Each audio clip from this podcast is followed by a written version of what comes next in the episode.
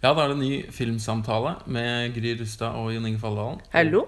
Og i dag skal vi snakke om 2015 og de beste filmene og TV-seriene. ja, eller seriene, kanskje vi bare kan begynne å kalle det nå. For Ja, TV er jo et litt sånn eh, Det er du som er eksperten på TV, men uh, serier finnes jo nå overalt. Det er jo noen som er bare på YouTube. nett, Ja, ikke på sant? YouTube. På, Mm, eh, det er veldig sant. TV-kanalene lever jo fortsatt i beste velgående. Så de beste seriene, da. Ja. Ja. Øh, Og vi har et forskjellig konsum, så jeg har fått lov til å velge 20 filmer, og du har fått lov til å velge 20 serier. Og vi har begge uh, fått lov da motsatt. Og Bare ja. velge ti filmer og ti serier. Fordi, ja, i motsetning til deg, så slet jeg jo faktisk litt grann med å fylle en topp ti-liste. Altså, jeg har sett flere filmer enn ti år, altså, men uh, å finne filmer som er verdige nok til en topp ti, var faktisk litt vanskelig. Ja, jeg syns det var vanskelig å kutte vekk. Jeg følte det var litt lite med 20. Og det samme er det kanskje for deg med TV-seriene. Absolutt. Og tilsvarende for meg å, å finne eh, ti som jeg virkelig kunne stå innenfor. Mm. Uh, og vi ville jo komme tilbake til eh, hva eh, filmer eh, som ja, berørte oss mest, og som ga oss mest eh, i andre halvdel, kan vi jo si, av denne podkasten. Ja. Eh, så det vi gjør, er at vi begynner da med TV-serier. Og så går jeg først gjennom lista mi fra 20 til 10. Og så når vi kommer til min topp 10, så begynner vi å gå annenhver opp til vi avslører hva som er våre favorittserier av året. Og så gjør vi det samme med film. Ja, eh, og her er det ikke noe poeng med noe enighet. Det er ikke sånn at vi skal enes om hva som er best. Her Nei. har vi to forskjellige lister. Og øh, håpet er jo at dere som hører på, kanskje får noen tips om ting dere Må se. må se og får lyst til å se. Øh, og eventuelt øh, Hva dere skal unngå. øh, eventuelt deres egen fortreffelige smak. Ved at noen andre bekrefter dere og stryker dere medhårs og er enig i at det Ikke sant? Ja, dette er best. Ja, de vet hva du snakker om. Ja, det er sånn jeg pleier å lese lister. Ja, ikke sant? Og hvis det er noe du ikke liker, så Tenker jeg. er det for noen tullinger. Ja. Ja. Men Gry, da er det da 20 til 11 er de plasseringene. Ja, Og TV-året i 2015. Og vi må jo si at årstanken her er litt sånn oval. Altså Vi vil dyppe tærne tilbake i 2014 hvis det er noen titler som eh, så vidt begynte da, eller eh, Ja, har- det, dette er jo et problem i den moderne mediehverdagen, hvor serier f.eks. i USA ikke kommer til Norge uh, før uh, lenge etter. Og det samme gjelder jo filmer. Altså når ting blir tilgjengelig, er veldig forskjellig. Altså, noen av oss er jo litt flinkere til å ordne seg sånn at man kan se serier eller filmer mye tidligere, sånn som du, Jon Inge, som plutselig får lov til å se filmer mye før oss vanlige publikum. Som ja, det er én ting å gå og se på pressevisninger. Og så er det jo de som er bare følger med i tiden, da, sånn som deg, og strømmer, strømmer ting. Ikke sant? Og skaffet seg Hulu-abonnement og sånn. Mens jeg som fortsatt er, også kjøper DVD-er og Blu-ray og sånne ting. Så det hender jo jeg er litt på etterskudd, da. Ja. Eh, Så sånn sett så blir jo dette litt vanskeligere enn da man bare så på serier på NRK, og filmene som kom, var de som kom på kino i USA. ja, Eh, nei, i USA. På kino i Norge. Ja. i Norge. Ja. Men i hvert fall, eh, la oss begynne med TV-året 2015. Hva har du på 20.-plass? Ja, eller det jeg tenkte å si først, er okay. jo litt grann sånn generelt om eh, TV-året. Fordi vi er jo nå i peak TV-alderen, som de da kaller det. Eller sånn Charles Landgraf, eh, sjefen for den amerikanske TV-kanalen FX, har kalt det. Hva er Peak TV? Det betyr at det rett og slett eh, produseres eksepsjonelt mye altså det man kaller scripted, eller manusbasert fiksjons-TV. Eh, Så det betyr at i løpet av 2015, bare i USA, så kommer det til å bli produsert mer enn 400 serier. Så en sånn gammel komplettist som deg, som tidligere kunne nesten se på alt og ha en følelse av mestring og Ja. Hvordan, hvordan det. går det egentlig? Det, det er tøft. Det er, det er så tøft. Og folk spør meg har du sett det. Nei, nei, det har jeg ikke rukket ennå. Uh, så det er jo helt klart ting her som jeg rett og slett ikke har rukket å sett, hvis dere savner ting. Og det vil jo gjelde på både film og TV, selvfølgelig. Vi har jo ikke sett alt som er, og det kan hende Nei. noen ganger vi nevner også da hva vi ikke har Ja. eh, fått med oss, og som vi kanskje ville ha likt, eller kommer til å like. Når vi uh, For min del, for eksempel, så Jeg hadde jo Transparent som min uh, beste serie i fjor. Uh, og sesong to kommer jo nå først 11. desember. Så hvis den hadde kommet litt før, og jeg hadde rukket å sett den, så kan det jo godt hende at den hadde blandet seg opp inn Ja, i topp ti, eksempel. Og det er en serie som er laget av en eh, sånn eh, Amazon stor eh, ja. selger av alle mulige andre ting. ja. Ja. Da kan du få kjøpt ny aircondition-anlegg og det som er. Vaskekoster og sånn. Vennene mine i USA driver med det. De har sånn Amazon Prime, så det er gratis levering. Så de bare bestiller alt de trenger fra Amazon. Ja, Kommer de hjem med en sånn drone Ja, så, til, ja, ja, så blir det levert på døra. Ja, ja. Men i hvert fall. La oss da La meg begynne med 20.-plass. Den 20. beste serien jeg har sett i år, er en CW-serie. Jeg ser jo faktisk alle seriene på The CW. Det er jo kanskje også litt av grunnen til at jeg ikke rekker å se alt det andre. Eh, The CW er jo den kanalen i USA som lager eh, TV for unge kvinner i alderen 20 til eh, ja, hva var det var? Jeg tror faktisk jeg er utenfor alderen. 32, så jeg egentlig litt for gammel. Emer emeritus. ja. Emeritus. Eh, Men det er jo da eh, serier som eh, Altså en kanal som henvender seg til et ungt publikum, og veldig ofte kvinner. Det hadde jo tidligere sånn Gossip Girl og sånn. Der ligger profilen. Vampire Diaries og sånn. Ja. Det er profilen. Men de har jo nå de siste årene virkelig kommet med en kvalitetsheving av seriene sine. Og, og har da eh, The Hundred som en av disse virkelig gode seriene. Det er en blanding av Buffy, Battlestar Galactica og Lost. Mm. Så da har dere den. deg, ja. Ja. Absolutt. Sånn skikkelig fremtidsdystopi med en kickass, kjempekul og kompleks kvinnelig hovedrollekarakter. Eh, så det er eh, kjempespennende og masse fine sci-fi-elementer og litt horror og ja. Og da denne utrolig bra kvinnelige karakteren i hovedrollen. Veldig mange bra kvinnelige karakterer, faktisk, i denne serien. Så de som da har likt de andre seriene du nevnte, Ja. vil dette kunne være en Ja. midt i blinken-serie for? Kanskje spesielt for Buffy-fans. Den er kanskje ikke like morsom uh, som Buffy, men uh, den, den er absolutt der. Hvis du har likt disse seriene, så anbefales dette. Det er en liten skjult perle, vil jeg si. De 100. Ja, Ja. rett og slett. På The CW. eh, så skal vi se. Kan vi prøve å være litt kjappe her. Eh, nummer 19 er da Silicon Valley. Ja, vi har god tid. Denne Ja. podkasten kommer til å vare og vare, så her er det bare å spole. Og vi vil skrive i teksten som følger denne poden om når vi går over til film. Hvis du Ja, ønsker å eh, bare høre hva vi snakker om filmer, og ikke serier. Ja. Hvis du da Det er jo noen som snobber den ene veien eller den andre Ja. innenfor disse tingene. Og Ja. nei, jeg ser ikke på TV-serier. Eller nei, jeg ser ikke på film. Så Ja. mm. Ja. ja. Vi liker begge deler. ja da. Alle levende bilder eh, kom vår vei. 19.-plass. Silicon Valley, HBO. Eh, kjempe, kjempemorsom. Kjempemorsom andre sesong. Pied Piper. Ja, ja, ja. Det er jo uh, Det er jo egentlig ikke så veldig mye å si, mer å si om Silicon Valley, føler jeg. Det er en god, morsom serie. Hva, handler den om, da? Eh, den som ikke, absolutt ikke har sett på den. Den handler jo om eh, eh, det å jobbe i Silicon Valley og utvikle IT-løsninger, rett og slett. Så det handler om IT-ingeniører som jobber da i California. Og dette er jo et rotterace av å finne, finne de beste tekniske løsningene. Men så får man jo også dette at det er en gullgruve. altså Det er jo veldig mye penger involvert. Så det handler jo Altså, humoren i serien genereres vel da av at dette er Altså litt sånn stereotypiske nerder som da prøver å klare seg som eh, forretningsmenn. og det går ikke alltid De, like tull, bra. de tuller vel veldig med de der stereotypiene i disse gjengene i en av de første episodene i første Ja, ja. Husker At de, de alltid har den, Ja, ja, den typen, og Absolutt. de ironiserer over den eh, gjengen. Men det er en veldig fin skildring av eh, Absolutt. Og alle karakterene er gis jo menneskelighet. Eh, sånn at det er jo ikke stereotypier man ser på. Det hadde jo ikke gått å se på serien i lengden. Eh, så alle får jo en sånn kompleksitet, da. Og det er jo det som også gjør at serien blir morsom. Mm. Skal vi se. Eh, nummer 18. eh, da har jeg en fransk serie fransk serie. Wow. faktisk, som går på NRK nå. Le Revenant. Gjengangerne. Altså det er da sesong to det er snakk om.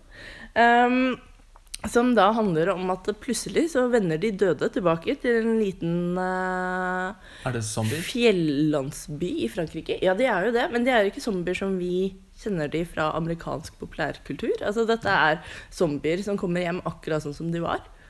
Uh, og så handler det jo da om hva som skjer i dette lokalsamfunnet når disse menneskene returnerer. Så det er veldig spennende. Veldig sånn saktegående, poetisk filmet. eh, og veldig mye vektlegging av karakter. Så det er definitivt ikke The Walking Dead, hvis det er det eh, eh, man foretrekker. Så er dette en veldig annerledes type. Den er vel, altså, hvis jeg skal sammenligne den nå, så er det liksom sånn vampyrens La den rette komme inn, da. Ja. Altså, den er litt mer i det landskapet. Men allikevel veldig spennende. Ok, Uh, 17.-plass. Uh, da har jeg Jane the Virgin, som er en annen CW-serie. Uh, som handler da om Jane, som har klart å bli gravid eh, gjennom kunstig befruktning. Så hun er faktisk jomfru. Eh, men eh, denne eh, serien spiller veldig mye på den spanske telenovellaen. Så det er en veldig sånn eh, humoristisk eh, Jeg vil jo egentlig si at det er en 40 minutters komedie. Som er kjempemorsom, med en fantastisk fortellerstemme. Eh, Det er kanskje det beste bruken av fortellerstemme siden Arrested Development, vil jeg si. Er det en remake, eller er det Eh, Nei, det er originalt, men den baserer seg jo veldig på alle alle um, klisjeene fra såpeoperaen og telenovellaen. Men Og det er da den latinamerikanske Ja, såpeserien, ja. Telenovella. Ja. Ja. Eh, men samtidig så har de liksom klart å skape Jane og familien rundt Jane eh, til å bli veldig gode, runde karakterer. Så det er en veldig sånn varm og engasjerende serie, samtidig som den er veldig morsom. Og sesong én var veldig god, og sesong to fortsetter og er like bra. Så denne anbefales, den også.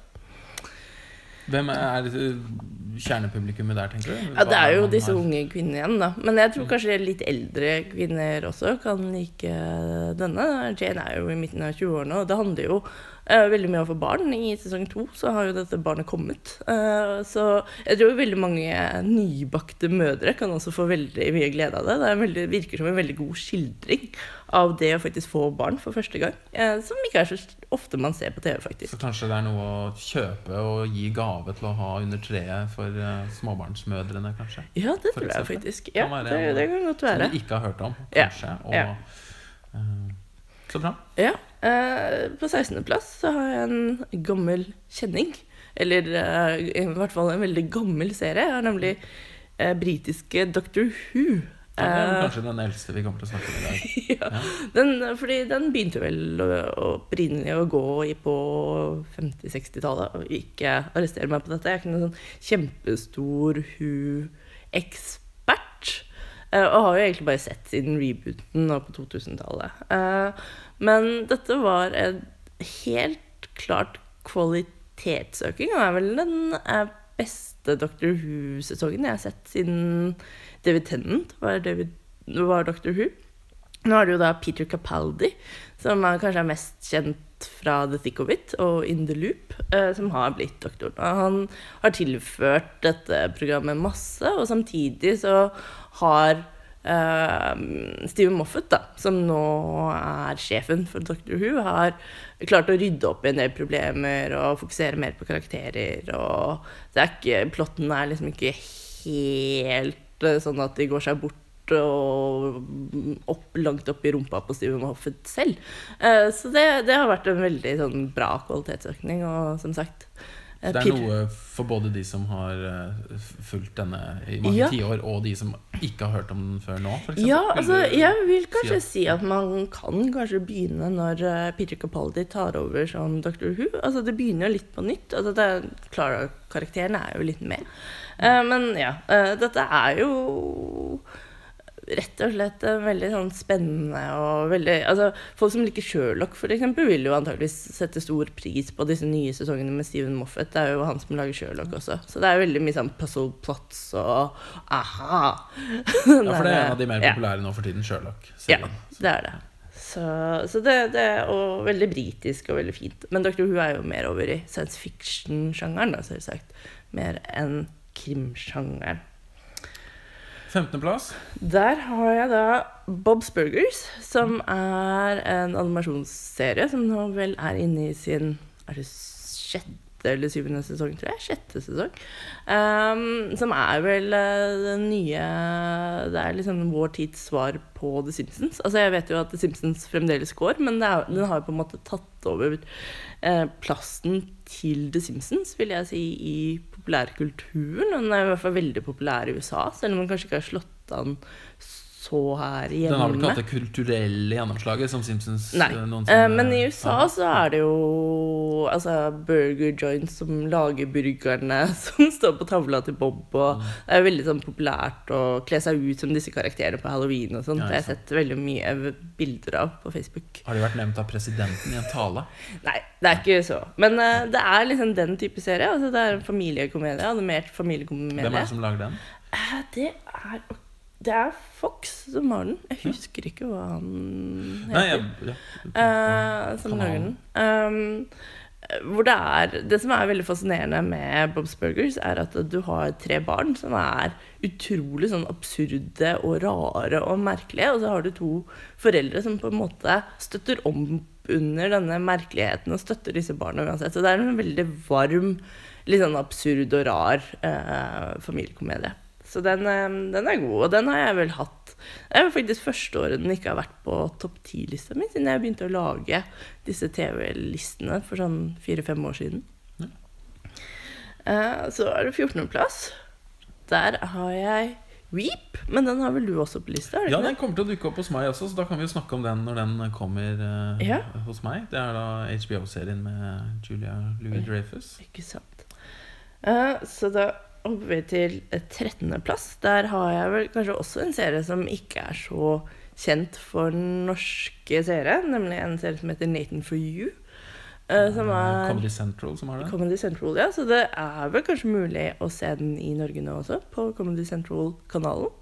Eh, vi snakket jo mye om den i den komediepodkasten vår, selvsagt, fordi det er jo en av disse virkelig nyskapende, gode komediene. Eh, det, Det er en er, sånn dokumentarfiksjon-hybrid. Ikke sant? Altså, det handler jo om en mann, en komiker, da, som gir seg ut, går rundt som en karakter, eh, som heter det samme som seg selv, som har med en business degree fra Canada, med veldig gode karakterer, som han da selv sier i hvert fall. En C pluss, blant annet. og hjelper da små bedrifter. Eh, men, og, mens de bedriftene han drar til, og de menneskene han møter, er jo virkelig mennesker. Så denne blandingen og hvordan de da reagerer på denne karakteren, er jo veldig, veldig fascinerende og veldig morsomt. Han får de til å lage sånn yoghurt med bæsjesmak, f.eks. Ja, ikke sant? Altså, altså det er så Dårlige ideer, som Ja. regel. Ja, ikke, ja, det ender jo opp med å være dårlige ideer. Altså, Ja. eh, Men veldig sånn innfløkt også. Eh, han prøvde jo å selge jakker. eh, et, ja- eh, lage et eget sånn shell jacket-merke. som skulle drive med sånn holocaust awareness. Han endte opp med å lage et butikkdisplay i en butikk.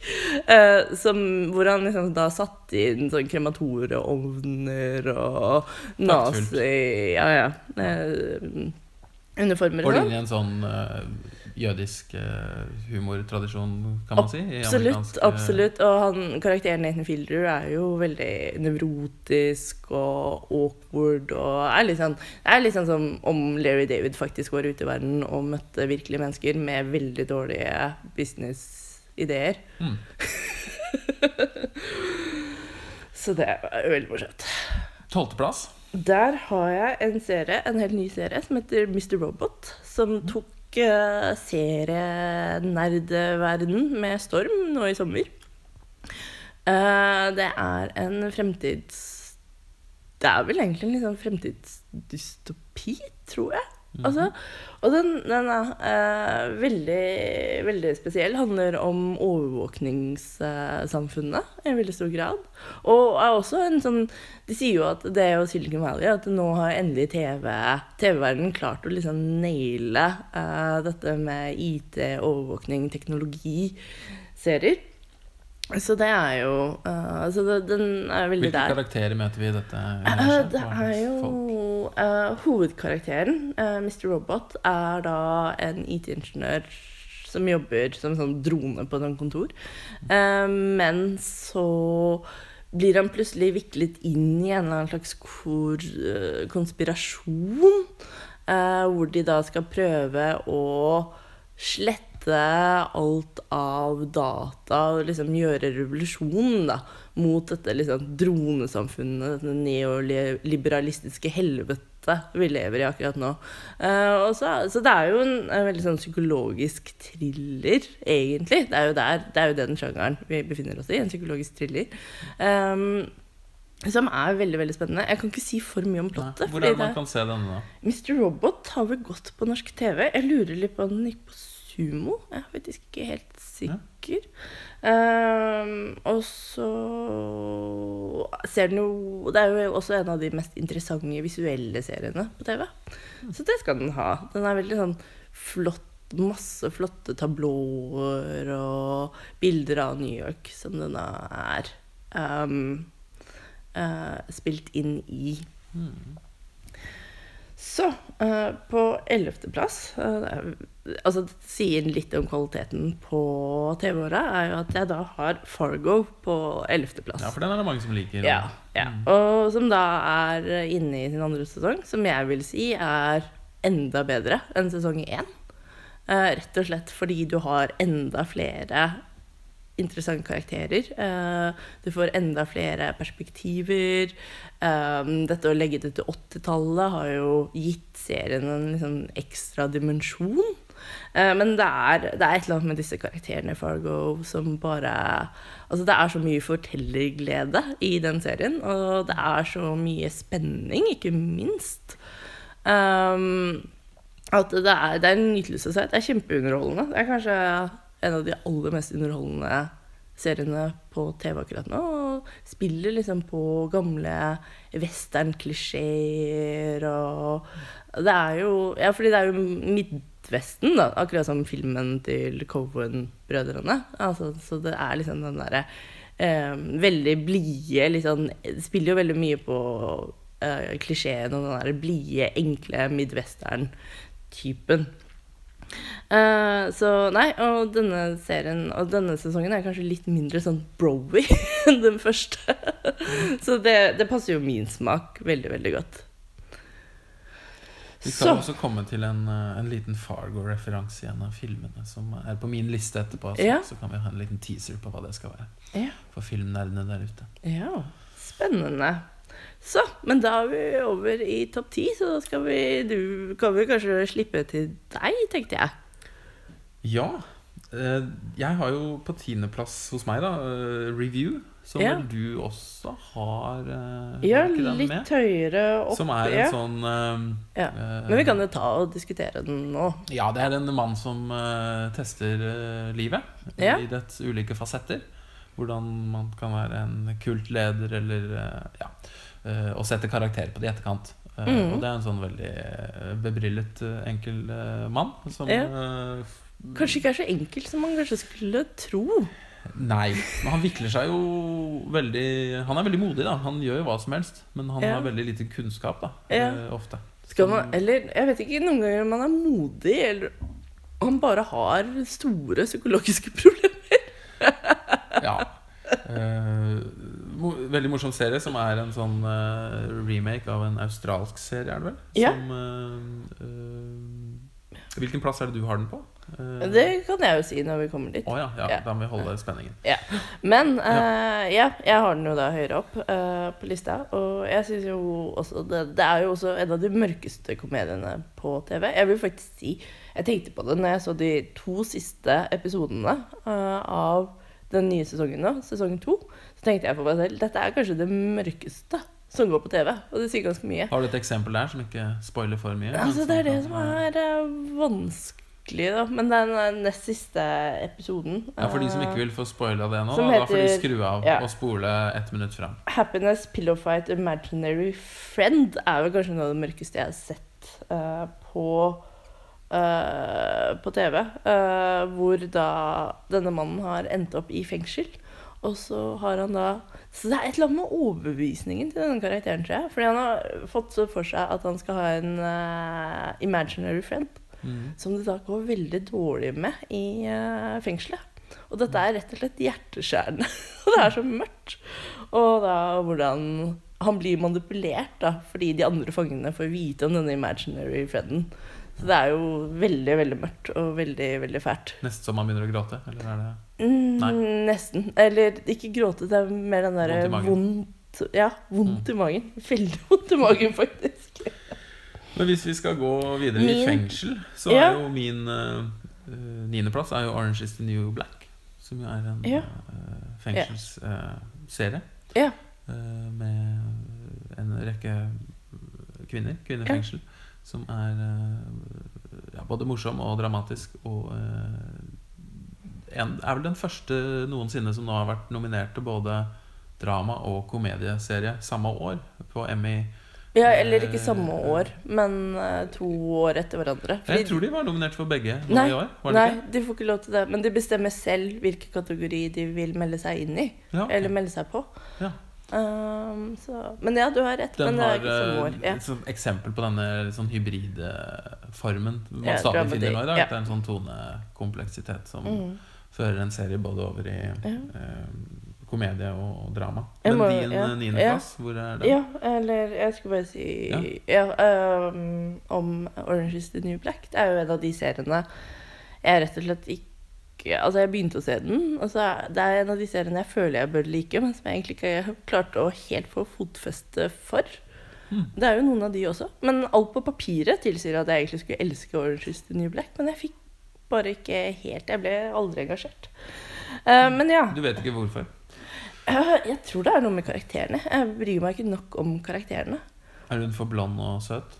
Uh, nei, jeg vet ikke. De var, jeg var liksom ikke ja, altså, Jeg vet ikke helt hva det var. Jeg bare Mm, Sånn er det jo noen ganger. At du bare ikke uh, liker eller blir engasjert i karakterene. Og et medium som TV-serien, eller en fortellingsform som TV-serien, så er jo det det viktigste, kanskje, for at du skal klare å se Ja, på det er en litt vanskelig serie å henge, henge med et menneske man ikke Ikke sant? I så mange timer. så godt.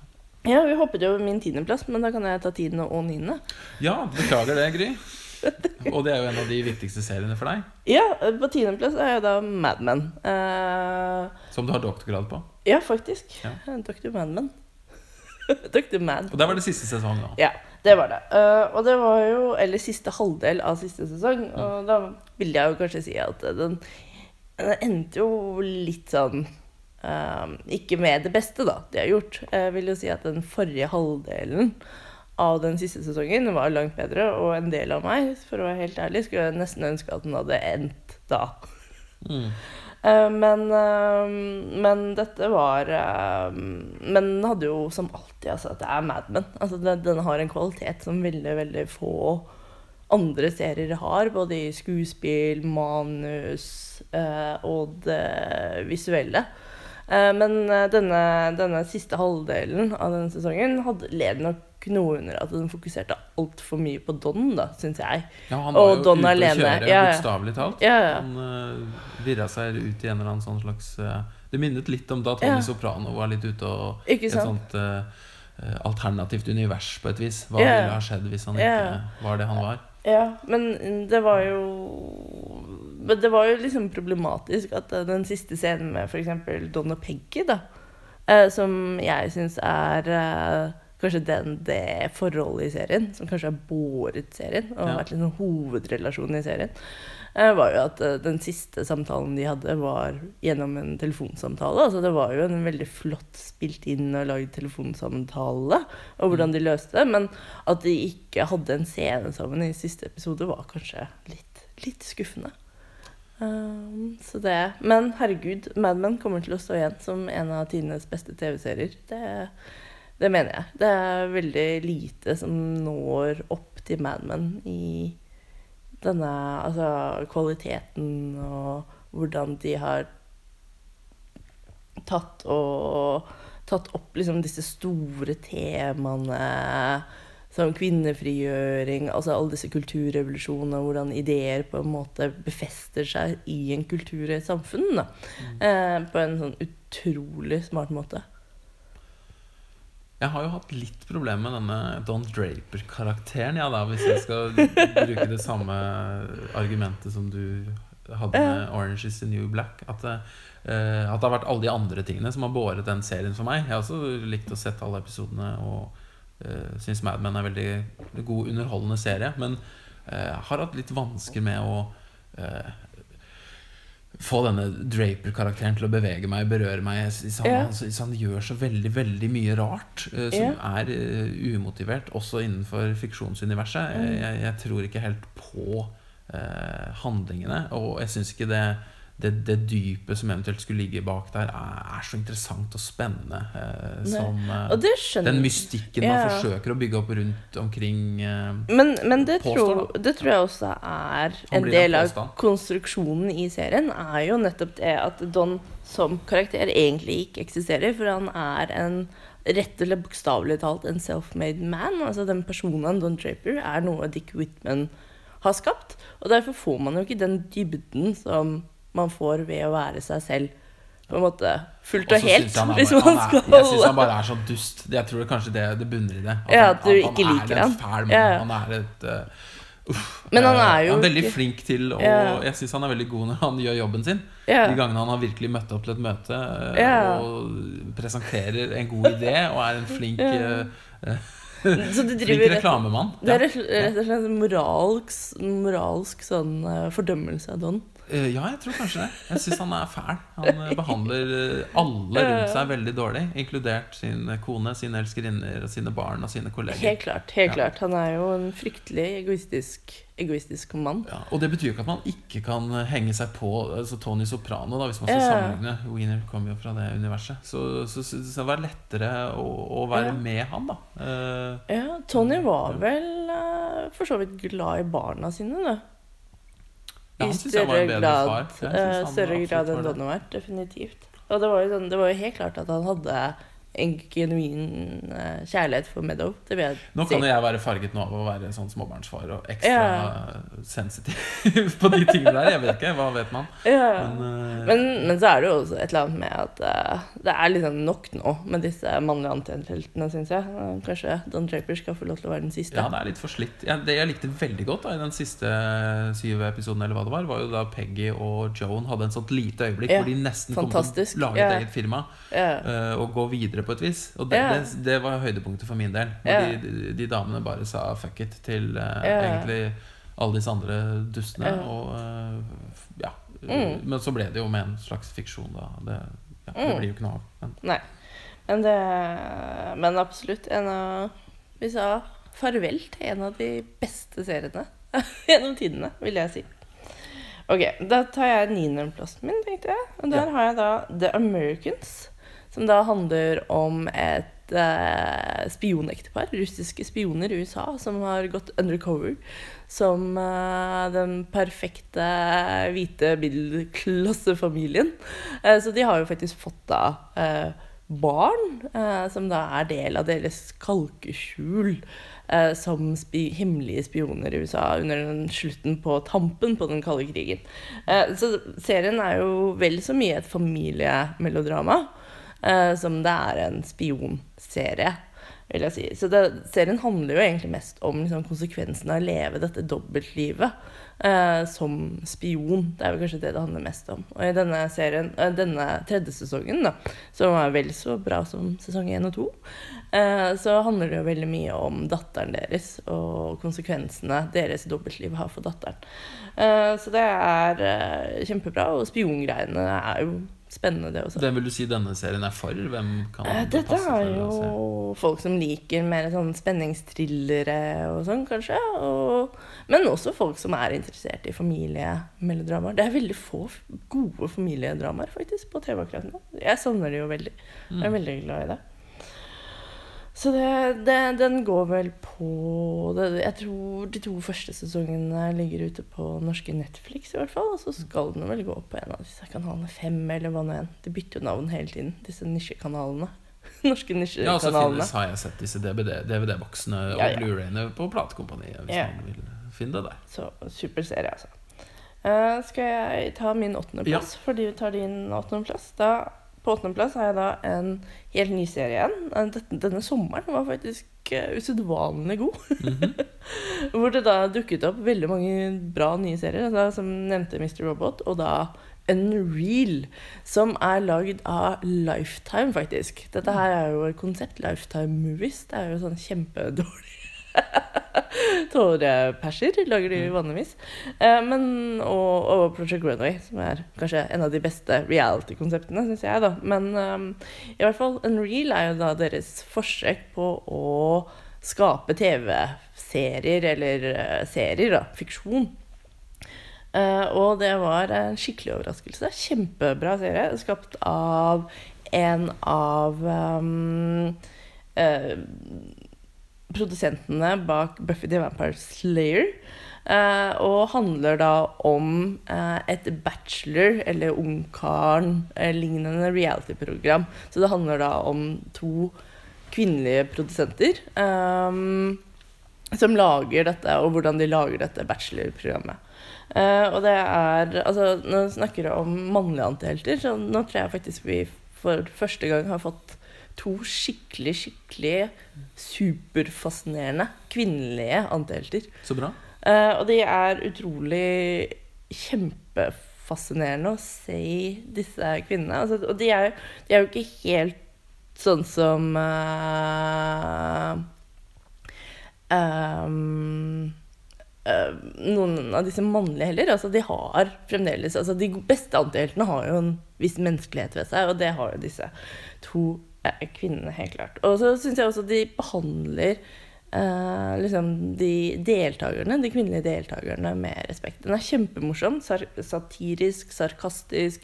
Kjempemorsom. Altså, første bilde man ser, er jo at hovedpersonen, eh, spilt av Shireen Appleby, eh, ligger i, eh, på gulvet i denne limousinen, da, hvor disse deltakerne blir kjørt inn for å møte The Bachelor, hvor hun har en T-skjorte hvor det står I'm, uh, I'm a feminist. Eh, det er rett og slett eh, ja, sardonisk og kjempemorsomt og herlig. Så dette er eh, Dette vil jeg si er en serie for alle, alle feminister der ute, faktisk. Det virker som det er en liten sånn eh, feministisk bølge, kan man nesten si, innenfor uh, serier og kanskje komedier. Og jeg vet ikke, min uh, åttendeplass er jo Inside Amy Schumer. Ja. Uh, som også har en sånn Ja. spesifikk Og- agenda, kan man si, som Ja. Mm. er kjempemorsom for eh, alle kjønn, holdt jeg på å si. Den er jo ikke Ja. Det er unreal også, altså. Men den er kanskje litt sånn såpete, kanskje, for menn. Fordi det er jo et Nå har ikke jeg sett på den, Ja. så, men jeg får lyst til å kikke på en reel. Uh, men Amy Schumer er jo et sånt, Ja. sånn sketsjeshow på et vis. Og- Broad City, som vi kommer tilbake Den igjen kommer til. tilbake til. Eh, hun er jo både ute på gaten og intervjuer folk, og hun har et sånt intervju, og så har hun uh, musikkvideoer eller mm. sketsjer hun lager. Ja. Dette er jo faktisk noe av det jeg skal begynne å forske på etter jul. Ja. Er jo faktisk at um, Hvordan dette med Peak TV og alle disse nye Altså den nye teknologien, altså digitaliseringen av TV-bransjen, også åpner for uh, nye stemmer og kanskje gir mer plass til kvinner, da, fordi det er så mye. Eh, så de får en mulighet til å lage flere serier. Uh, jeg tror helt klart altså Blood City, som vi begge liker veldig godt, ble, startet jo som en webserie som ble oppdaget av Amy Poehler, en av disse andre kvinnelige Mm. Og det er jo en episode av Mm. tredje sesong nå av Amy Schumer som uh, lager en sånn svart-hvitt rettssak som er 12 Angry Men Inside Amy Schumer. Ikke hvor sant? de eh, skal avgjøre om hun har livets rett til om hun er eh, Fuckable, rett og slett. Ja, eller om hun er liksom ja. pen nok til å være på TV. Ja. Mm. Det er vel rett og slett det det handler om. Og det er en veldig interessant diskusjon som holdes der med veldig mange Ja. uh, fra både bransje og Og så har du jo den sketsjen med Julia Louis Dreyfus og Tina Fey, som ja, vel handler om Cat? Ja, som handler om uh, Last Fuckable Day. Ja. Mm. Du kan si det på engelsk, da høres det litt bedre ut. Ja. Den siste pulbare dagen ja. til uh, Dette, er- dette er ingen uh, familiepodkast. Nei. PG-13? Er det Nei, jeg vet ikke. Uh, men det er en fin overgang til Men, ja. Også, da. Ja. Fordi jeg har den på syvendeplass. Ja. Som Julia Louis Dreyfus uh, fortjent vant uh, Emmy for. Ja, ja. Og den blir jo bare bedre og bedre. og det har jeg tenkt på med den rollen, at hun nå har klart å ikke være Elaine lenger. Mm. Og bli en annen karakter. Det er en enorm prestasjon innenfor TV. Karakter, Ja. univers, Ja. historien, hva man skal Ja. kalle det. Hvis det er et sånt ord.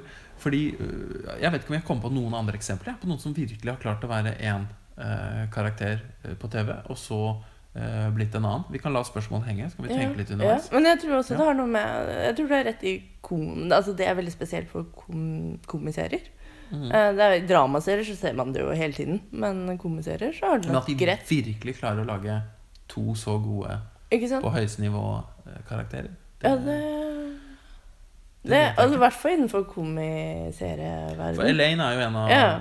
kanskje min favoritt eh, karakter noensinne Ja. på TV. Hun er jo den kvinnen Utrolig. på TV noensinne jeg kanskje identifiserte meg mest med.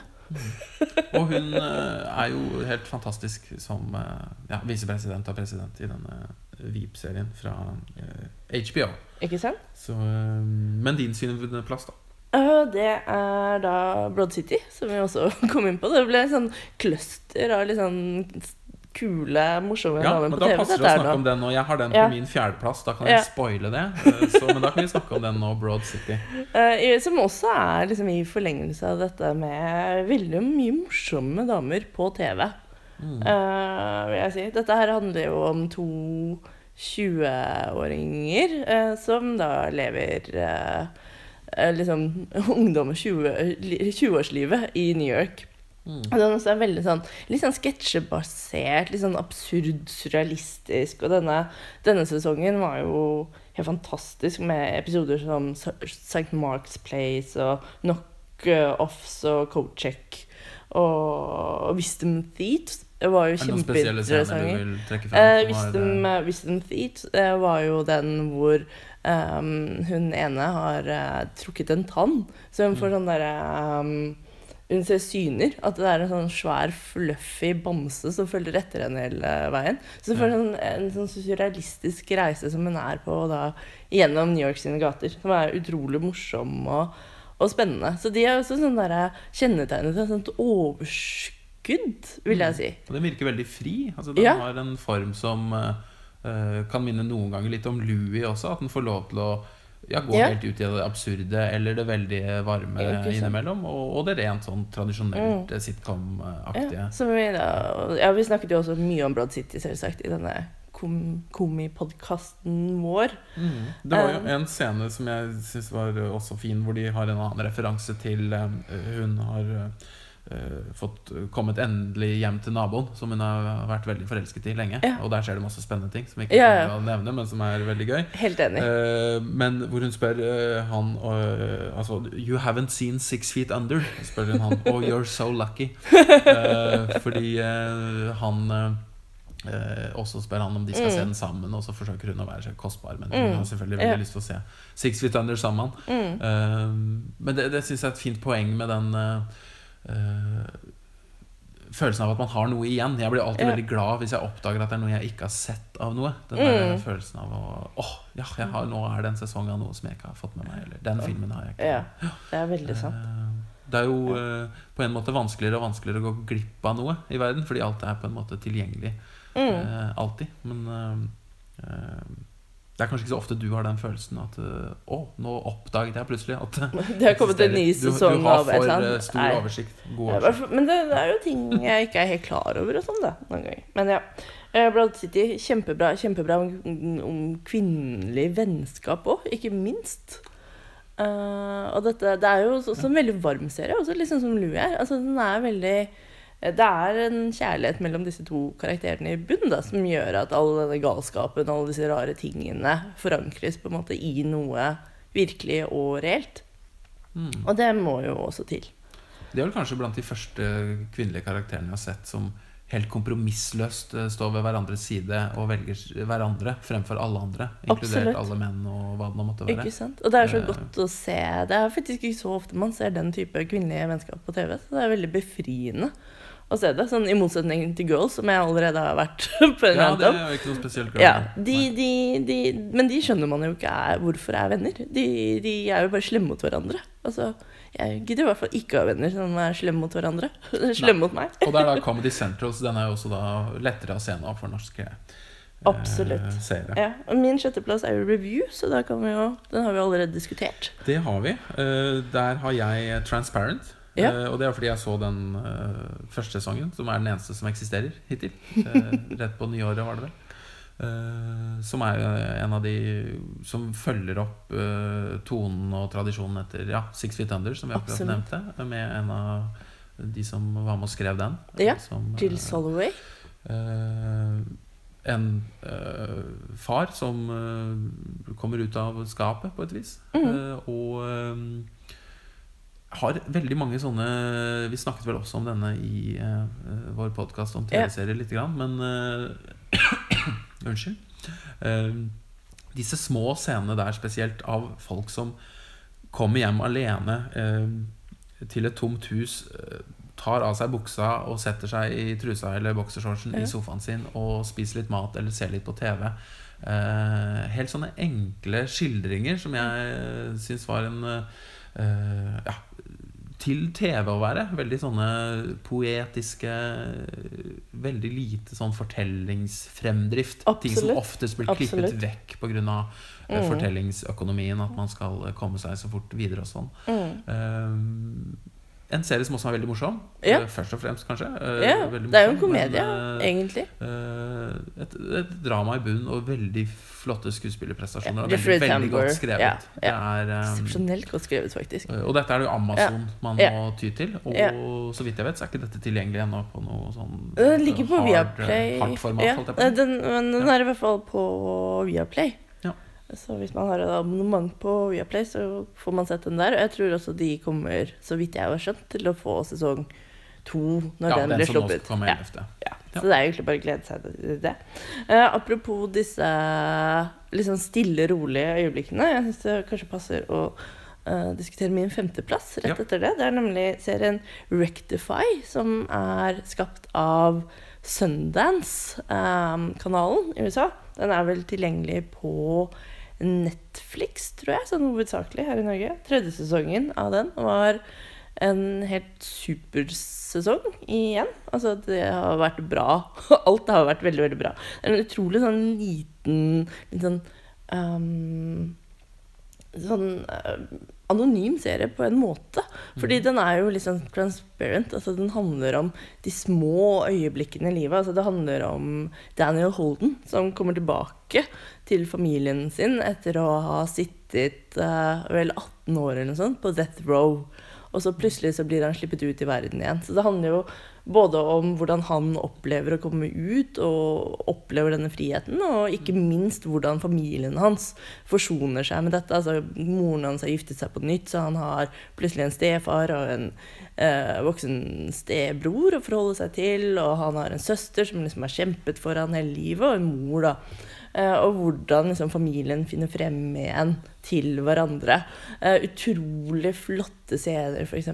Daniel kan stå og bare se på Du bare står sammen med Daniel og står og ser og lytter til liksom, vinden som rasler gjennom løvet, og veldig mye vekt på altså, Dette er jo karakterer som kanskje ikke uttrykker seg så mye, altså sier det de tenker hele tiden, som er veldig vanlig i TV, men de er kanskje mer som vanlige mennesker. Altså, eh, de føler, og så må du på en måte lese ansiktsuttrykkene deres eh, for å se. Så det er jo veldig sånn, eh, veldig sånn vakker, poetisk TV-serie som har Hvem vil du si den er for? Altså, dette her er jo en serie jeg mener passer for alle som er kanskje glad i litt mer den derre kunstfilmtradisjonen av eh, TV-serier og, og filmer. Um, voksenpublikum? ja, et litt sånn voksenpublikum. Par å se sammen? Den type ting, kanskje? Absolutt. Ja. Men, men altså, det er jo ikke sånn videre sånn kjempestort mye plott der. Altså, det er en mord. Denne, altså, hvem som egentlig drepte denne kvinnen, da, som Mm. Daniel har sittet inne for i alle år, eh, lurer jo i bakgrunn. Så den er har en jo sånn krim. fortellingsmotor. Den Ja, veldig Altså, det handler rett og slett om karakterer og de små relasjonene. Og det er f.eks. et sånn kjøkken som blir sånn kjempesymbolsk i denne tredje sesongen. Og hva som skjer med det og, og denne familien. Um, utrolig gripende og flott og saktegående, alle de tingene man liker. Og så vil jeg jo si at den har den, kanskje den mest og beste velskrevne dialogen på TV. Så Ray McKinnon, eh, som har lagd denne serien, eh, har jo jobbet med David Milch. Han spilte jo presten i Deadwood, hvis noen husker han. Eh, Så den dialogen har disse litterære kvalitetene som jeg egentlig bare synes David Milch har i TV-serieverden. Mm. Ja. Din, din femteplass. Der er det jo en virkelig en gammel traver. Ikke like gammel som Doctor Who, men eh, 27 år gammel har jo denne serien blitt. Og da pleier man å ta livet av seg som rockemusiker. Men eh, det har jo ikke skjedd med The Simpsons. Som er eh, ja, udis udiskutabelt en av tidenes viktigste og beste TV-serier. Et eh, ikon over alle ikoner. Absolutt. Som man, eh, i hvert fall jeg, har falt inn og ut av. Og, og Ja. nå er veldig sånn lite omdiskutert. Folk snakker lite om det. Men nå har det gått eh, en sesong som går nå. Eh, begynte vel i oktober eller noe sånt. Eh, blant annet en veldig flott episode som heter Halloween of Horror. som er en sånn klassisk Simpsons-episode hvor det er veldig mange fine scener mellom Homer og Lisa. Og Lisa finner en sånn gammel Mm. Sånn eh, kose, kosesak som hun hadde da hun var lite barn. Og eh, det er mørkt, og det er litt skummelt, og eh, veldig godt skrevet. Det har mye fine replikker. Man, I denne sesongen så Homer snakker om at eh, to, to try is to fail. Å forsøke er å feile, f.eks. Yeah. Eller at når han er veldig veldig redd og ting er veldig skummelt, så sier han at og, og livet Life is so funny and safe. Det er liksom hans beskrivelse av hvordan livet er. Så eh, jeg syns her er, viser The Simpsons seg det er et så, det er så sterkt univers. Ja, ja, Eh, ja. og når, eh, når da manuskriptene er bare eh, Til og med når de bare er ok, så Mm. er det De karakterene er så De er så perspektivert gjennom så mange episoder, og vi, Mm. de har så mange egenskaper. Så hvis man bare pirker litt i dem, så var det for meg et veldig veldig gledelig gjensyn med Mm. ikoniske The Simpsons. Som Men jeg vil ja, anbefale. jeg også har uh, fått med meg og lest at folk som fremdeles ser på, syns at uh, det har blitt bedre igjen også. At er liksom, kvaliteten på manusene er rett og slett blitt bedre igjen. Mm. Og det er jo sterkt av en 27-åring i, i TV-sammenheng, syns jeg. Absolutt. Og så hadde jeg da Broad City på fjerdeplass, så da Ja. kan jo du komme med din. Den, er, det er da kampen for tilværelsen. Ja, nå begynner sekken å snøre seg sammen, for den Ja. er jeg også her Ja, snart. eh, skal vi Vi diskutere kan nå snakke om den nå. Ja, Ja, Det er jo tidenes beste norske serie. Helt soleklart. Det er, helt enig. det er ikke så veldig mye konkurranse, for å være helt ærlig. Nei, jeg, som, av norske TV-serier som virkelig berører og virkelig Ja. beveger, og som viser noe nytt, og Ja. som er eh, Kvalitetsmessig på høyde med det beste av det HBO lagde på begynnelsen av 2000-tallet. Ja. Det, Voldsomt. det, altså det er her Jeg vil si at Kampen for tilværelsen er der oppe i den skandinaviske TV-kanoen sammen med serier som Rike og Scener fra et ekteskap. Og det, det, er, det er ganske stort. Veldig godt skrevet manuskript av Per Skreiner og Bjørn Olof Johansen Ja. og Erlend Lo. Helt klart. Eh, godt spill, veldig fint eh, foto. Ja, ja. Eh, Det er skiftet mellom ulike tonaliteter, ulike stemninger i den eh, serien er eh, ja, mesterlig, rett og slett. Ja. Ja, ja. Så der, der ligger lista nå for Ja. norsk eh, TV-drama. TV-drama. Ja, absolutt. Og det, det, den er jo så fascinerende, for den klarer på en måte å være bitende sarkastisk. eh, og et litt sånn med et sånn sarkastisk blikk på den liksom, norske middelklasse-selvgodheten. Samtidig som den har karakterer med dybde, og ikke minst så har den karakterer man aldri har sett på norsk TV før. Man, altså, jeg vil faktisk si at man har karakterer man aldri har sett på TV. Punktum. Altså For eksempel en karakter som Vidkun har man jo er jo helt ny. Og det er noe som er viktig for hvis vi skal snakke litt om kriteriene for hva som gjør at vi velger disse filmene og seriene i denne podkasten, er jo nyskapning. Hva, hva er det vi ikke har sett før? Ja, hvem er det som presser grensene for da TV-serien eller serien og filmen som kunstneriske medium? Og det har vel ikke vært så veldig mange sofile småbarnspappaer. Eh, det tror jeg du har helt rett i. På TV. Eh, og med en sånn dybde og varme Ja. som, er, eh, som har i hvert fall fått meg til å se annerledes på dyr. Faen meg. På en, og, Ja. ja. Og, den, det, det, det, så er den så absurd. Altså Bare at de har disse scenene i etterlivet, denne empatiskolen, Mm. er jo helt genialt eh, funnet på. Og så har den en del karakterer som også ligner litt, sånn egentlig for mye. Hvis man skulle lest sånne bøker om hvordan man skal skrive et manuskript. Ja. Eh, Det er noen av kvinnekarakterene som er litt like på et vis. De Ja. har litt sånn tilsvarende måte å være ja, bitchy på, eller hva man skal Mm. Kalle det. Eh, Som jeg syns er utrolig befriende. At man ikke sånn skjematisk eh, alle karakterer må speile hverandre med ulike egenskaper. Nei, nei, nei. ha Som gjør det mye mer troverdig som mennesker. Absolutt. Eh, Som viser ham både forskjellene Ja. og likhetene. Selv om det er veldig få eh, karakterer i denne serien som for så vidt kommer veldig godt ut av det, da. Det vil jeg jo si. Vi har vel eh, Ja, vår polske venn, det går jo ikke så godt med han. Nei. Men han er stort sett snill og grei og forsøker å Det gjøre det denne beste. Ja. faren og sønnen, da, denne filmskaperfaren. Og den Mm. sønnen, de finner vel sammen, Mm. Kanskje. Men ja. Men uh, det, det, det er en skandale at det ikke blir noe mer. Og det er en skandale at den ikke er å få tak i Ja, for andre. nå er det vel ikke mulig å få Nei. sett uh, sånn uh... Og at den ikke blir eksportert. Altså, jeg er jo sikker på at dette er en serie NRK kunne fått solgt til Sundance, som nå kjøper en del europeiske topp, toppkvalitetsprodukter, som f.eks. da Le Remenant. Mm. Så ja, det er trist, men eh, det er jo godt at eh, man ser at Norge kan. Og det kan de med Kampen for tilværelsen. De er, vi er med å konkurrere med det beste. Helt klart. På eh, min tredjeplass, Ja. hvis jeg kan ta den, Oi, topp tre. så eh, da er vi kommet til eh, Mm. pallen. Og der har Ja. jo jeg da allerede Kampen for tilværelsen på andreplass Ja. hos meg. Men tredjeplassen er også en uh, som- britisk serie som nå er inne i sin siste lille sesong. Uh, As We Speak. Uh, Peep Show fra Channel 4. Med Mark og Jess, to venner, ganske -hmm. ubrukelige karer i slutten av 30-årene. Som De kan jo minne litt om Broad City på et eller annet vis. Eller motsatt, kan man si. Dette veldig sterke vennskapet mellom to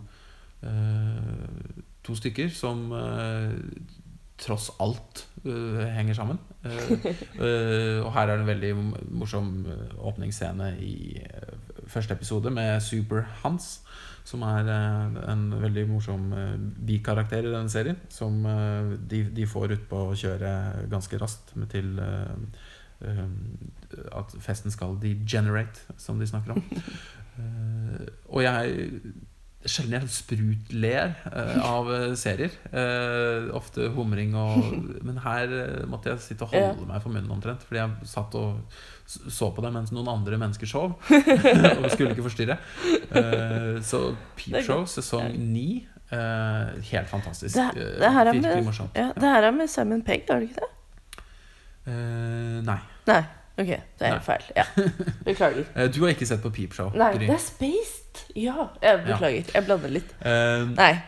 Jeg har eh, dessverre ikke kommet så langt. Uh, jeg vil jo anbefale for deg å se den, da. Eh, Nå har vi jo, vi, vi har jo kjøpt boksen til vår gode venn Kai Schwint, som har disputert om TV-komedier. Så da kan jeg kanskje ja, låne denne Han han. skrev om The Office i både engelsk, tysk og amerikansk versjon. Ja, så han har vi invitert som gjest, da, for å snakke om TV-humor. Ja, Kai Schwind han Ja, vil dukke opp en gang på Ja. nyåret i en Ja. podkast uh, for å høre litt om eh, eh, komiseriene. Men din uh, tredjeplass, da, Gry? Det er Louis. Ja. Louis er jo Hvert år Louis blir lagd, så er den jo alltid enten nummer én eller to eller tre, føler jeg. Det er liksom det, noe av det beste på TV akkurat nå.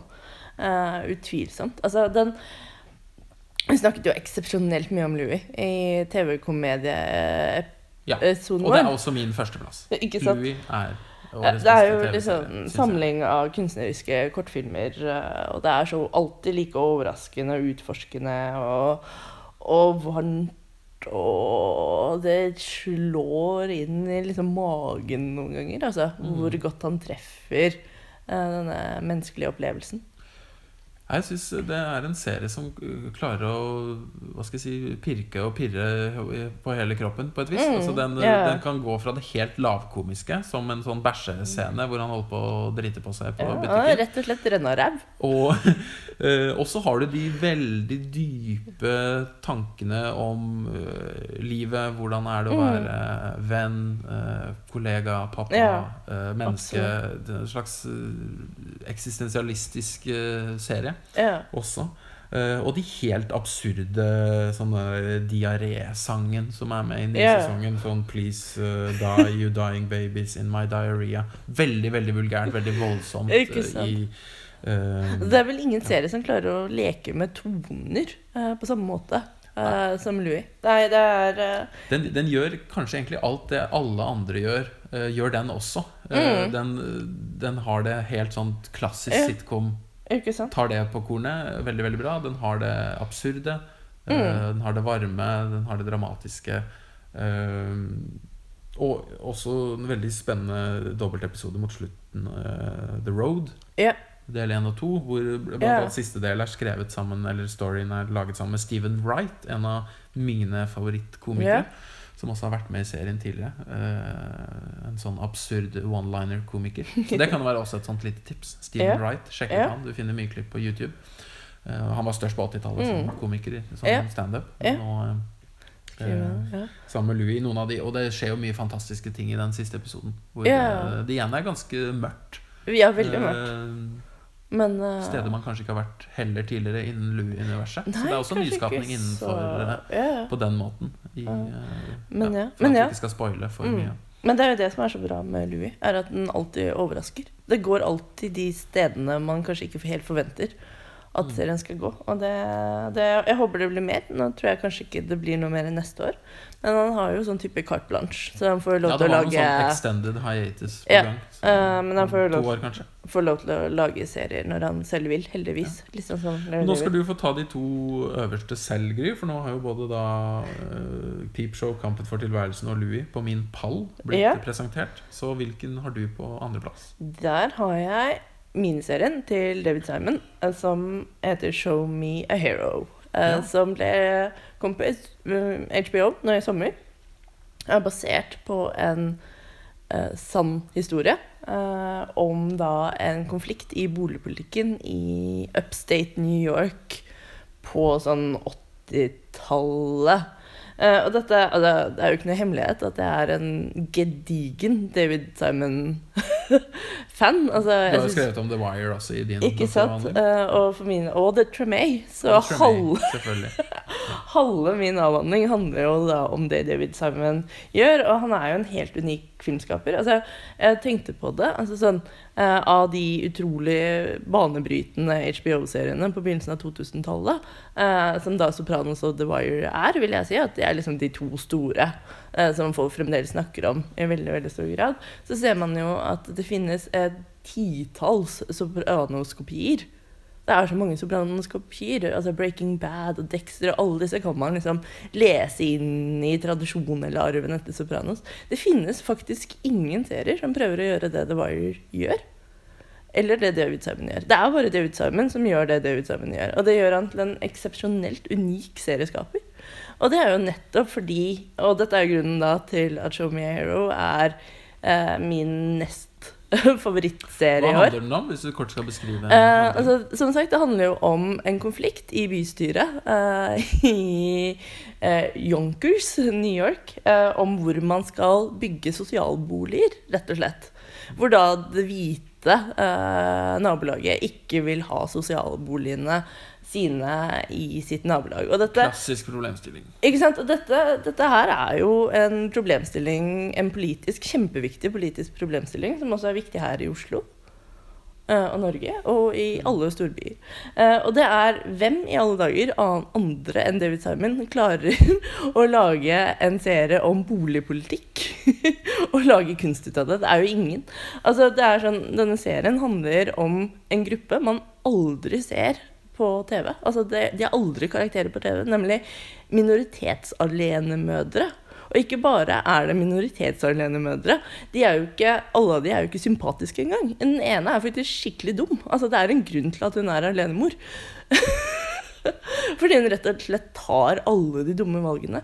Men det som er så unikt med den serien, og det David Simon gjør, er at den sier fremdeles altså Men selv om hun har gjort dumme valg og gjort dumme ting, betyr det jo ikke da at hun og barna fortjener å ha et godt liv og et trygt sted å bo? Jo. Og, dette, og, det å lage en serie om en sånn tematikk er jo helt fantastisk. Eh, og for folk som syns at dette høres kjempekjedelig ut, og det tror jeg kanskje det er ganske mange som gjør, eh, så, så, spiller Oscar Isaac da hovedrollen som eh, den yngste um, ordføreren i Yonkers da, som driver, ender opp med å liksom prøve å få igjennom denne boligreformen. Så du har liksom denne mannen da, som liksom prøver å kjempe kampen deres. Og for alle de som har likt uh, The Wire ja. og Tremay, ja. så er det jo Det ja, jo på, på, et vis Nå har jeg bare sett én episode, men uh, det syns jeg var veldig lovende, og jeg gleder meg til å se resten av den. Det er vel seks episoder? Er det, ja, det, jeg syns det er helt fantastisk. Og det er et eller annet med at det er noen som lager uh, disse historiene for TV. Og det her er jo kanskje det jeg mener TV-mediet bør brukes til. Altså, dette er faktisk en historie du ikke klarer å få lagd på film. Akkurat som Tremay og The Wire-historien er historier du ikke kan lage på film. Dette er helt unikt for TV-serien. Å kunne ta opp disse større sånn tematiske, politiske, sosiale og kulturelle problemstillingene. Er det da først og fremst lengden uh, running time du ja, snakker om? Ja, fordi du får ikke tid nok til å gå kompleks nok inn i disse problemstillingene. Som f.eks. The Wire eller Tremay klarer å gjøre. Altså sånn der, den der forståelsen f.eks. For i Tremay da, om hva kultur har å si for å bygge opp et samfunn og samf samhold. Eh, og kulturell identitet. Og hva det vil si for mennesker, er jo Uh, altså det blir, det blir, jo på en måte det er, det er, noe helt unikt for TV-serien. At du kan få se denne, hvordan dette utvikler seg over tid. Nå kom jeg, på en annen ja. morsom vits fra Simpsons-sesongen. hvor uh, de blir uh, tvunget til å se på Dr. Doolittle uh, av Skinner. og han ha-ha karakteren Etter det har blitt sagt The running time is 152 minutes av Milhouse, tror jeg, som har funnet ut det på IMDb, sikkert. så roper han han bølla at uh, Oh, now is the running time! Og så prøver han å løpe ut. Uh, og så blir han spylt tilbake av uh, Skinner med vannkanon. Og så må de se hele Dr. Doolittle. Mm. Um, men running time er jo da viktig for TV-serien. Og miniserien er en veldig sånn spennende format. Yeah. Jeg tenker jo Olive Kittridge fra i fjor, som jeg også yeah. syns var veldig veldig god. og det er jo ofte der man treffer Og David Simon begynte vel med den The Corner ja, ja. Og, han, og Generation Kill har han ja. også lagd. Så uh, når, når, miniserien treffer, så er det, det er et veldig veldig godt ja. format. At man eh, der kan velge å gjøre seg ferdig når man har fortalt det man hadde mm. tenkt å fortelle. Mm. For det er ofte ting er litt for kort til det man skal fortelle, og ofte ting er litt for langt. Ja. Noen TV-serier blir dratt ut for, i for mange sesonger. Så, for mange episoder ja. så Jessica Jones akkurat nå, den burde kanskje vært ti episoder, ikke 13. Helt klart. Ja. Uh, og det er også det flotte med en serie sånn som da Louis, uh, som mm. denne sesongen vel har åtte episoder, ja. og, og, lager så mange som uh, det passer seg. Ikke Man ikke tvinges inn i dette amerikanske som har Hvor mange er det? 26? 22? 22 og 13 eller ja. 6, eller hva det er, Gamle i den britiske ja. sesongen mm. og sånt. Mm. at man ikke må slavisk følge det. Og det er jo noe av det bra med Eh, kampen for tilværelsen også. At det ja. var vel åtte pluss åtte i en sånn ja. slags sesong én og to. Men ja. det ble jo laget uh, samme, samtidig osv. Mm. Men da, da, da, da, førsteplass Årets beste er for uh, Gry. Ja. I min bok The Leftovers, som er en uh, HBO-serie.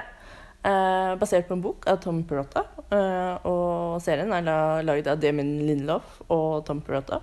Eh, det som var, var at Første sesongen var jo da rett og slett en adaptasjon av den boka. Andre sesongen så har de da vært helt fri. og har gjenoppfunnet denne serien til å bli det aller beste på TV i år, synes jeg.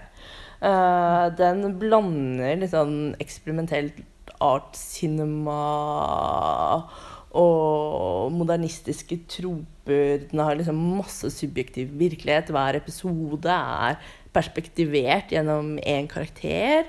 Um, veldig surrealistisk. Altså, det handler om at 2 tror jeg, av verdens befolkning bare forsvant. Og så handler det jo da selvsagt om hvordan verden reagerer på det. At folk bare forsvant i løse lufta. Eh, så den er jo veldig sånn metafysisk også, og surrealistisk. Um, den er mm, makter å være kjempespennende eh, og smart om utrolig tunge temaer. Altså, det handler jo rett og slett om depresjon og sorg, og hvordan du finner mening i en verden hvor det ikke er noe mening lenger, ved at disse menneskene bare forsvant. Eh, og det, det geniale de gjør med andre sesongen, er at de da tar hovedkarakterene fra første sesong og bare relokerer de til en by i Texas hvor ingen forsvant. Så det er på en måte Og denne byen heter uh, Jarden, eller Miracle. er også en sånn derre uh, park uh, som er i nærheten. Um, hvor de da Og så følger vi en ny familie som bor i denne byen i Texas. Um, og det, det er litt sånn kompromissløst om liksom hva, man, hva religion har å si i en sånn situasjon. Altså, de har noen episoder i denne sesongen som eh, rett og slett altså, i disse dager er superaktuelt. Altså, det handler om hvordan mennesker kanskje kan ende opp med å bli terrorister. Altså, den prøver faktisk å se hvordan religion faktisk fungerer som en sånn springbrett inn i terrorisme, f.eks. Um, så det er uh, kjempespennende. Altså, det, det har for min del den beste scenen av noen TV-serie i år. Nemlig en scene mellom um, to av de kvinnelige karakterene, hvor de har en sånn samtale. Uh, og det er liksom som å se personer. Det er en sånn der, uh, duell. Ja, skuespillerduell mellom to fantastiske skuespillerinner, hvor du til slutt bare ser ansiktene deres i nærbilder mens de har denne uh, dialogen. Det er magisk. Det er vakkert å se. Um, så det, den, den anbefales. Og, Hvem er den for, tenker du? Som uh... dette er vel eh, dette er, dette er rett og slett HBO som lager serier som de gjorde på begynnelsen av 2000-tallet. Så dette er eh, serien for folk som elsket Sopranos og Seks fot under og Karnivale, vil jeg si. Altså den ligger i grenselandet mellom de tre seriene. Og denne er jo også tilgjengelig å få får man kjøpt seg både på harde formater og på Ja, og alle episodene ligger på HBO Nordic, så Ja, den er jo veldig lett tilgjengelig. Nei, det, det var imponerende. Jeg har aldri sett en TV-serie øke så mye kvalitet fra sesong én til sesong to noensinne, tror jeg. Mm. Det var eh, rett og slett eh, imponerende. Jeg prøvde å tenke nå mens du sa det om eh, scener du husker best eh, fra TV-seriene i, i år. Og det er vel noen fra Louis, tror jeg, Ja. for min del. Men jeg har eh, Ja, jeg vil ikke snakke om de, fordi de, er, eh, de må folk se. Men jeg kan nevne en spoile en fra Peepshow, som ikke er så farlig å spoile, for den er veldig morsom. Kommer i første episode.